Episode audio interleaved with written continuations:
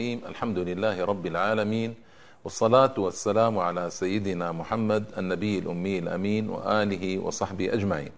أما بعد الإخوة والأخوات السلام عليكم ورحمة الله تعالى وبركاته. وأهلا وسهلا ومرحبا بكم في هذه الحلقة السادسة من برنامجكم الحملة الفرنسية الإسبانية على المغرب. وكنت ذكرت بعض فجائع الحماية ومشكلات الحماية في الحلقة الماضية. اليوم أواصل فيها لنفهم كيف سقطت المغرب براثن آه، في براثن آه، المحتل الأجنبي ومطامعه. آه، كان المحتل عن طريق الجواسيس وعن طريق العملاء والسماسرة يعرف أين هي الأراضي الخصبة وأين هي الأراضي المهمة القريبة من مصادر المياه فيذهب ويحاول أن إما أن يشتريها بثمن بخس بالطرائق التي ذكرتها لكم تزوير الصكوك والوصول إلى حالة وسطى مع الناس وكذا أملاكهم لكن يزورون. أو غيرها من الطرائق الفاسدة. وفعلا هذا الذي جرى استولوا على أكثر من 700 ألف هكتار من الأراضي المتميزة بخصوبتها وقربها من مواقع الماء وجريان الماء في الرباط والدار البيضاء. الشواطئ المغربية امتلأت بسفن الصيد الصغيرة الإسبانية وسفن الصيد الكبيرة الفرنسية ولا يستطيع أحد أن يتكلم. وازداد الصيد في عهد الحماية إلى أكثر من 1500% بالنسبة. وهذا السبب أن التجار محميون ولا يستطيع أحد يكلمهم ولا يستطيع أحد أن يمنعهم من شواطئ المغرب. تفشت الرشوة في صفوف العمال وصفوف الموظفين آه، على وجه عجيب. لأن وجدوا فيها مكسبا سهلا واتجه الناس إلى الرشوة ليأخذوا حقوقهم لينالوا حقوقهم. واتجه المحميون إلى الرشوة حتى آه، ينتزعوا أملاك الناس ومواشيهم ومزروعاتهم. القصة يعني قصة مزعجة إلى أبعد الحدود. وهذا طبعا أدى بالدولة إلى أن تفقد ثقة التجار. في البوادي والحواضر وأن يتجه التجار من في البوادي والحواضر إلى أوروبا وسماسرة أوروبا ليعاملوهم آه، آه، ويتركوا الدولة. آه، طبعا هناك سبب لكل هذا يا الإخوة والأخوات. وهو الظلم الشديد الذي كان آه، يمارسه العمال والولاة على الناس يظلمونهم. فلا يجدون فلا يجد الناس ملجأ سوى أن يتجهوا إلى هؤلاء الأوروبيين يحتمون بهم وإنا لله وإنا إليه راجعون. آه، حاول بعض القضاة والعمال أن يقفوا موقفا مشرفا. أمام هذا النظام الفاسد نظام الحماية لكن ما وجدوا مؤازرة من الدولة؟ وبعبارة أخرى الدولة عاجزة. الدولة عاجزة عن أن تؤازرهم. ربطت نفسها وقيدت نفسها بهذه المعاهدات. فإذا أرادت يوما أن تتخلص من هذه المعاهدات وترميها تجد نذر الحرب. فالدولة لا تستطيع أن تواجه أوروبا يعني في ظنها. فلما يئس القضاة والعمال بعضهم والعياذ بالله انتكس. وصار مع الأوروبيين يتقبل الرشاوى ويظلم الناس أيضا والفساد سلسلة حلقات. إذا بدأنا بحلقة لابد أن تتدرج هذه الحلقات إلى نهايتها. مثل حبات المسبحة يعني لا إذا كرت كرت. هناك رائد متقاعد اسمه مومني أوروبي. أحد مبعوثي اتحاد المناجم. سبق أن دار في المغرب طولا وعرضا. عنده مهمة استكشافية للمناجم ولثروات المغرب ماذا قال؟ قال مرض الحماية المستشري في البلاد يلحق بها أضرارا جسيمة وكل الناس يحاول اقتناءها اقتناء الصكوك شهادات الحماية. ومر برجل فقير طلب منه الحماية. إنا إله وإنا إليه راجعون. استغرب هذا المبعوث أو المكتشف أو كذا قال أنت رجل فقير ما عندك شيء. قال أنا فعلا ما عندي شيء. لكن أمام ظلم الولاة وظلم العمال لي فلو عندي جلدة واحدة جلدة واحدة فإني أحاول حمايتها من من هؤلاء الظالمين.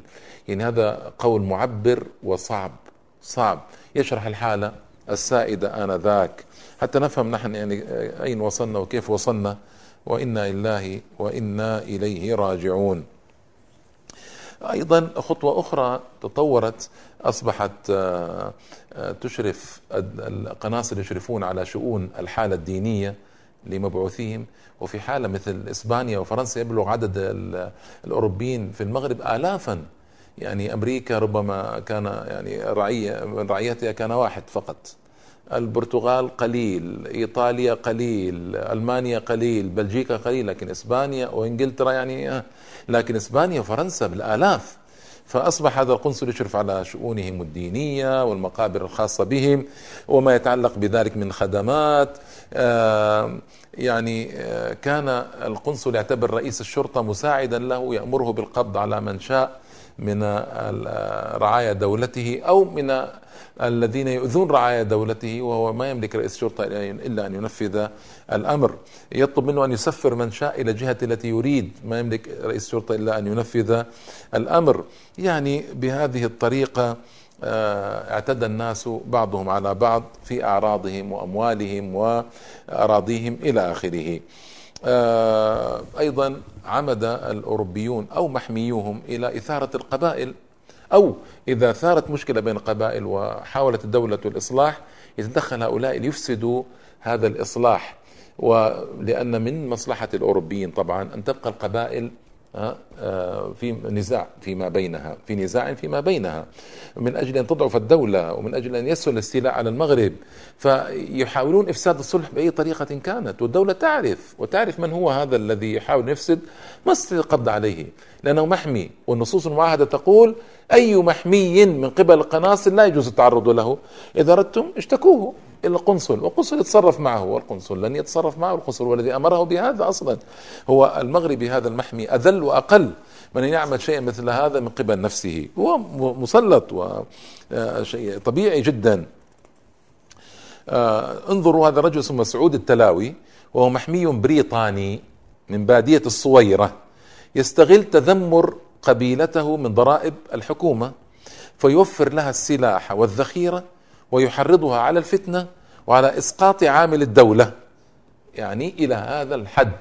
آه، محمي ما أحد يكلمه؟ آه، يعني أنا الآن إليه راجعون. آه، لا يتورعون عن القتل والاعتداء على أعراض الناس. رجلان داخلان رجلان مغربيان داخلان في حماية نصراني. عمدوا إلى رجل آخر مغربي طبعا ضرباه في رأسه حتى أفضت الضربة إلى دماغه فمات منها. وما لا يعاقبون أو يعاقبون بعقاب خفيف. يقرر القنصل طبعا قنصل. لأن الطرف الآخر هو يعني محمي اعتدى يعني الذي اعتدى محمي من قبل النصارى فما يستطيع أحد أن يعاقبه. و يعني أصبح المغربي يعيث فسادا في أرض أخيه المغربي. من ذلك أن أحد محميي البرتغال انظروا إلى المهزلة. البرتغال حمت أحد المغاربة في تطوان. فزاغ وطغى واشتغل بالفساد والتعدي على العباد وأصبح يؤذي الناس وكذا. ما أستطيع أن يوقفه لأنه محمي من قبل البرتغال. أردتم شيئا اشتكوه إلى قنصل البرتغال وهيهات ثم هيهات أن ينتصر قنصل البرتغال لغير هذا المحمي. طبعا بطبيعة الحال آه, آه، تصوروا يعني أراد مرة العامل أن يتحدى نظام الحماية فماذا صنع؟ آه، قنصل الفرنسي بطنجة حكى حمى شخصا مغربيا. هذا الشخص آه، مع شخص آخر سرق دخل في سرقة. يعني سرق من آه، أغراض الناس شيئا. فقام هذا العامل سجنهما. طبعا آه، فاشترط القنصل التالي. اسمعوا. أن يقدم العامل بنفسه ومعه نائبه وخمسون من العسكر إلى القنصلية الفرنسية. حتى إذا وصلوا أدى الجنود التحية وقرعت الطبول العسكرية وقدم الوالي للقنصل الوالي الذي سجن المجرمين قدم للقنصل الاعتذار في ذلة وصغار تكفيرا عما فعله من آه، حبس السارقين المحتمين بفرنسا وإن لم يفعل الوالي ذلك يخبر قنصل دولته. ومعنى إخبار الدولة يعني الدخول في مشكلات لا حصر لها مع فرنسا. وهذه هي المشكلة. طبعا آه، يهربون الأسلحة إلى جوانب مختلفة من البلاد ومن أجل أن تقوم الفتن. وما يستطيع أحد تجار ومحميون وما يستطيع أحد أن يكلمهم. يعني هذه مأساة مأساة كبيرة جدا. اسمعوا لي حادثة أيضا غريبة. رجل ريفي غير مقيد بالسجلات المحميين. سرق كبشا لممثل الولايات المتحدة الأمريكية. فسجنه الوالي وجلده عشرين جلدة. أرسل قنصل فرنسا رجلا مغربيا محميا إلى الوالي آه، وطلب منه أن يخرج هذا الرجل لأنه محمي من قبل فرنسا فقال له الوالي أنا لا أعرفه محميا وليس في سجلات المحميين. قال له محمي عندي وكذا و إما واشترط القنصل اسمعوا شروط المذلة. إما أن يعزل العامل الذي سجنه أو أن يفك سجن هذا المسجون ويعطى ريالا عن كل جلدة. طبعا استجابوا لطلبه وما يستطيعون أن يخالفوا الطلب. وهم في ذلة وهوان ما بعدهما ذلة ولا هوان. نسأل الله العافية. الأمثلة كثيرة وأنا لا أريد أن أطيل في عرض الأمثلة لأنها تؤذي الإخوة وتؤذيني وتؤذي كل من يسمع هذه الأمثلة الصعبة. أيضا أصحاب الماشية كانوا يتهربون من دفع الضرائب. كيف؟ يعني كل رأس كان له ضريبة عند الدولة المغربية. كيف يتهربون؟ يأتون بوثائق مزورة وما أسهل التزوير. يجدون كتابا وشهودا يشهدون أن هذه الماشية ليست لهم إنما هي للأوروبي فلان وللقنصلية الفلانية الأوروبية. حتى يتهربوا من دفع الضرائب لأن المحمي لا ضرائب عليه والأوروبي لا ضرائب عليهم. فالتاجر يسجل كل ماشيته باسم التاجر الأوروبي. أو المحمي من التجار المغاربة. والمأساة ليست هنا فقط بل المأساة أن بعض الأحيان القنصلية أو المحمي يقول التاجر أنت ماذا تريد؟ أنت سجلت باسمي. فهذه الماشية لي. يقول أنا يقول له أنا ما سجلته باسمك إلا لتحميني من الضرائب. يقول لا شيء لك عندي. أنت قد اعترفت أن هذه هي ماشيتي.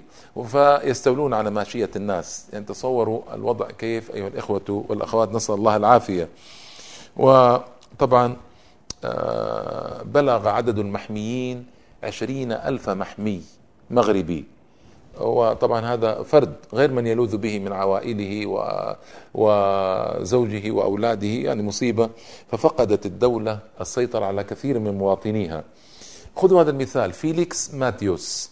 فيليكس ماتيوس هو مثل القنصل الأمريكي في طنجة. آه، أعطى الحماية لأكثر من مئة من أغنياء المغرب من التجار والفلاحين. طيب كم هم عدد الأمريكان الذين في المغرب كله؟ شخص واحد فقط. شخص واحد في المغرب كله. لهم ممثل مثل قنصل في طنجة. يعني واضح اللعب. اللعب واضح جدا. ثم إن هذا القنصل فيليب ماتيوس آه فيليكس ماتيوس حمى مئة من المغاربة من كبار التجار والفلاحين. مثلا لعب في لعب واضحة جدا يعني. آه، رعيته وهو واحد شخص واحد اسمه آه، جون كوب حمى أربعين شخصا من المغاربة. هذا الشخص الواحد. أعطى حماية لأربعين شخصا من المغاربة. طيب المأساة كل ذلك مضى في كفة والمأساة الأخرى في كفة وهي أن العمال والولاء إذا أرادوا التمرد على نظام الحماية فإن الدولة الأوروبية تحرك تهدد تحريك السفن. بل تحرك السفن. أعطيكم أمثلة. آه، يضج أهل المغرب مساكين من هذا النظام. يعني الظالم جدا جدا. السلطان المغربي وجد إيش؟ وجد أن اليهود وبعض المغاربة يذهبون إلى إسبانيا وفرنسا بالذات ويتجنسون بالجنسية ويعودون بعدة صور إما أن يذهب بزوجه وهي حامل فتلد فتأخذ العائلة الجنسية أو غير ذلك أو بالاتفاق على أن يكونوا جواسيس فيعطون الجوازات. يعني أسباب كثيرة. فيعودون يصبحون أوروبيين فيستطيلون على أولاد بلدهم ويذلونهم ويحاولون افتعال مشكلات معهم. فالسلطان أصدر قرارا بأن الجنسية لا تحمي المغربي لا تحميه سواء مسلما أو غير مسلم ما تحميه من آه، واجبات لابد أن يؤديها الضرائب لابد أن يدفعها إلى آخره. ثارت الدول الأوروبية من هذا القرار. لأن القرار ليس انتصارا لهؤلاء المغاربة أو اليهود لا قيمة لهؤلاء أصلا خونة والخائن لا قيمة له عندهم. لكن لأن هذا القرار يعطل السيطرة على المغرب وإضعاف المغرب. فماذا فعلوا؟ آه، فرنسا حركت سفينتين حربيتين. إسبانيا حركت سفينة حربية. إيطاليا يا جماعة إيطاليا أرسلت سفينة حربية ومن تكون إيطاليا أصلا؟ وما هي مصالحها في المغرب؟ أمريكا أرسلت فرقة من أسطولها الحربي البحري. إنا لله وإنا إليه راجعون. يعني أمريكا ما علاقتها بالمغرب هل تفعل هذا؟ لكن آه اسمعوا. حصلت مشكلة في ضواحي فاس مغاربة ادعوا ضعيفو الذمة والضمير ادعوا أن أرض الدولة هي أرضهم أخذوها وراثة من أبيهم. فحصت الدولة الأمر وجدت أن الأرض ليست أرضهم وهي أرض الدولة. ففزع هؤلاء إلى القنصل الأمريكي الذي طلب تحريك سفن من الأسطول البحري الأمريكي لتحاصر طنجة. وفعلا جاءت السفن وحاصرت طنجة وضغطت على السلطان. فلجأ السلطان المستضعف إلى صيغة توفيقية مع الذين ادعوا عليه هذا وأعطاهم أرضه أرض السلطان. إذا وصل الأمر إلى السلطان ماذا بعد هذا يا عباد الله؟ تصوروا ثم أنه إذا تحركت السفن الغربية وجاءت طبعا هنالك وقود للسفن هنالك تكاليف هناك أجرة بحارة هنالك يعني مدافع هنالك تجهيزات وطعام وشراب يجبر الأوروبيون المغرب أن يدفع كل هذه الأموال التي دفعت في تحريك السفن. الله أكبر. ما هذا الذل والهوان الذي عاشوا هو البعد عن الدين وبعد عن الإسلام وظلم الناس وتعدي على الناس. أدى بسلاطين المغاربة أن يقعوا في فخ عجيب يعني. حاكم مدينة آسفي قائد اسمه شتيوي اعتقل ستة لسبب ما؟ الستة هؤلاء محميون من قبل بريطانيا. كتبت الحكومة البريطانية للمخزن المغربي الحكومة المغربية يعني مطالبة بإطلاقهم. ما رد المخزن. ولأنهم طالبوا بإطلاقهم وعقاب العامل ودفع تعويضات يعني قصة طويلة طبعا المخزن ما رد عليهم. فما كان من القنصل إلا أن أمر بسفينتين تتحركان حربيتين لتحاصر ميناء الجديدة وتقول وأعطى الأوامر لقائدي, لقائدي السفينتين إن لم ترد الحكومة المغربية في 24 ساعة اضربوا الجديدة بالقنابل. يا سلام! إلى هذا الحد بلغنا في الذل والهوان. فماذا لو على السلطان يعني اجتمع الناس في الأسواق وقرأ عليهم منشورا يحرضهم على الجهاد وقطع كل نصوص المعاهدة ورماها وأمر المغاربة بالجهاد يتخلصوا من هذا الذل والهوان. فإما حياة تسر الصديقة وإما ممات يغيظ العدا. هذه الحياة. إما حياة تسر الصديقة وإما ممات يغيظ العدا. أما هذه حياة الذل والهوان ما هي هذه الحياة؟ أعوذ بالله منها. نسأل الله العافية. التهديد قطع العلاقات. يعني تصوروا آه، سمسار مغربي من طنجة كان له يعني قضاء آه، بضاعة سلمها له الناس بددها بددها ضيعها. آه، أخذه المحت... حكم عليه العامل أو الوالي من خلال القضاء فهرب هذا الرجل. أخذ العامل زوجته وابنته وسجنهما حتى يضغط عليه ليعود يعود إلى يؤدي أموال الناس. طبعا صادف أن الزوجة هذه تعمل خادمة في منزل ممثل إيطاليا في طنجة ثار الممثل ثورة عظيمة وطلب بعقاب العامل عزله ودفع تعويضات و... آه، و... وإطلاق الخادمة وإلا وإلا قطعت العلاقات. فحقق الوزير طلبين ورفض العقوبة أطلق الخادمة وعاقب الع... يعني عامل لكن ما عزله؟ بذلت الحكومة المغربية. جهدا كبيرا مع ممثلي الدول الأوروبية حتى تقنع ممثل إيطالي ممثل إيطاليا يعني قنصل حتى تقنعه بتجاوز بالتجاوز عن شرطه وهو عزل العامل حتى تبقى هيبة الحكومة. تصوروا إلى أين وصلت الأوضاع. نسأل الله العافية والسلامة من هذا الوضع المذل المهين. طيب يعني بعض الناس يسأل طيب ماذا فعلت الحكومة؟ لهذا يعني تتخلص من هذا النظام المذل المهين يعني. طبعا اسمعوا كانوا يتظل كان السلاطين يتظلمون عند القناصل. يعني وداوني بالتي هي الداء. كيف تتظلم عند القنصل؟ والقنصل هو الذي يفعل هذا يحرض عليك. والمشكلة أن السلاطين يعرفون. ها يرسلون البعثات الدبلوماسية إلى فرنسا وإسبانيا وبلجيكا وبريطانيا للطلب من حكامها أن يخففوا شروط الحماية في المعاهدات فباءت المحاولات بالفشل. وتصور معاهدة غير مؤرخة بانتهاء معين. مفتوحة هكذا. إنا لله وإنا إليه راجعون. مفتوحة المعاهدة يعني ليس لها أجل محدد تنتهي إليه. وهذا من غفلة الذي وقعها. اتصل السلطان الحسن بالبابا ليون الثالث عشر ليتوسط عند إسبانيا وفرنسا بتخفيف من شروط المعاهدة. طبعا وهذا أمر مضحك جدا جدا. هو ما يعلم ان البابا هو أكبر المحرضين على المغرب. عقد مؤتمر كامل عقد مؤتمرا كامل اسمه مؤتمر مدريد عام 1297 للهجرة 1880 ليناقش نصوص الحماية. والمؤتمر جاء الوفود جاءت الوفود الأوروبية من كل مكان والمؤتمر ما زاد إلا أن قنن هذه الحماية وجعل حقا لكل دولة أوروبية شاركت في المؤتمر واشتد البلاء على المغرب بعد المؤتمر أكثر. والسبب عدم وجود دبلوماسيين مغاربة يعني يتوصلون لحل هكذا جيد مع الدول الغربية وازداد ضغط الأوروبيين على أهل المغرب بعد هذا المؤتمر. ويمكن القول بأنه بعد انتهاء مؤتمر مدريد انتهت المغرب بلدا مستقلا انتهت المغرب. انتهت لأن الضغط أصبح مقننا. منظما. يعني كانت في البداية كانت بعض المعاهدات فيها نصوص تفضيل لبعض الدول مثل إسبانيا وفرنسا هنا أصبحت كل الدول الأوروبية لها الحق في المغرب وبشروط متساوية وليس لدولة امتياز عن الأخرى.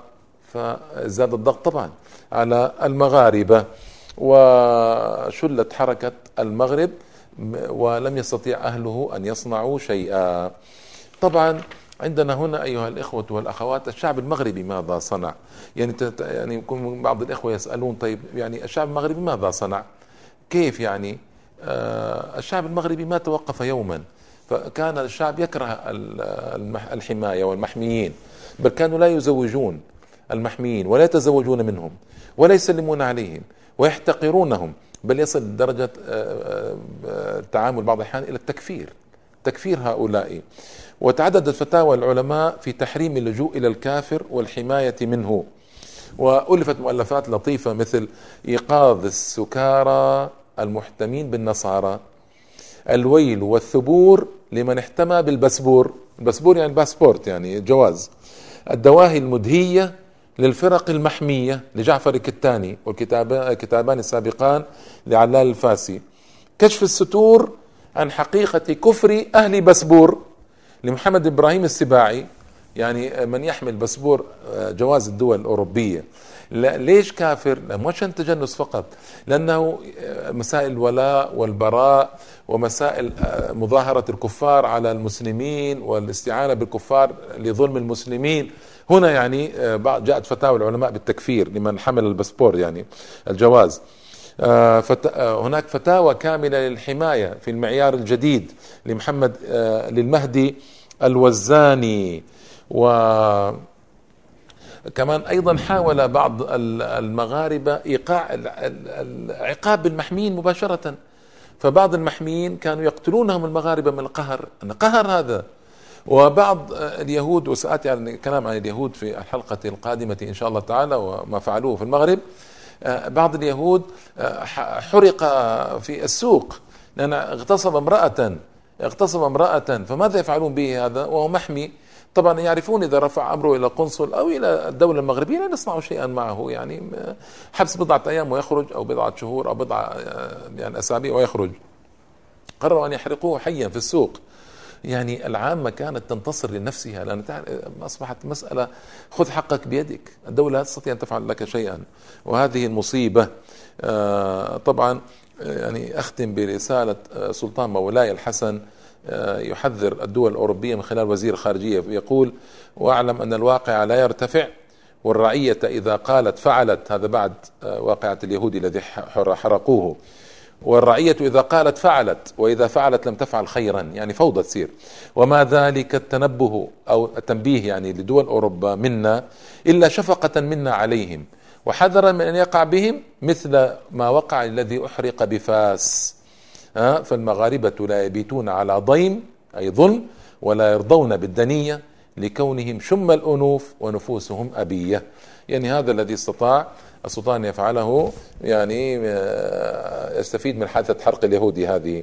وطبعا خطب الجمعة والدروس العلماء يحذرون الناس من الحماية والمحميين ويحرضون الناس على المحميين ووجوب مقاطعتهم وعدم السلام عليهم وعدم مناكحتهم وعدم التعامل معهم بيعا وشراء ولا تأجيرا للعقار ولا ولا ولا.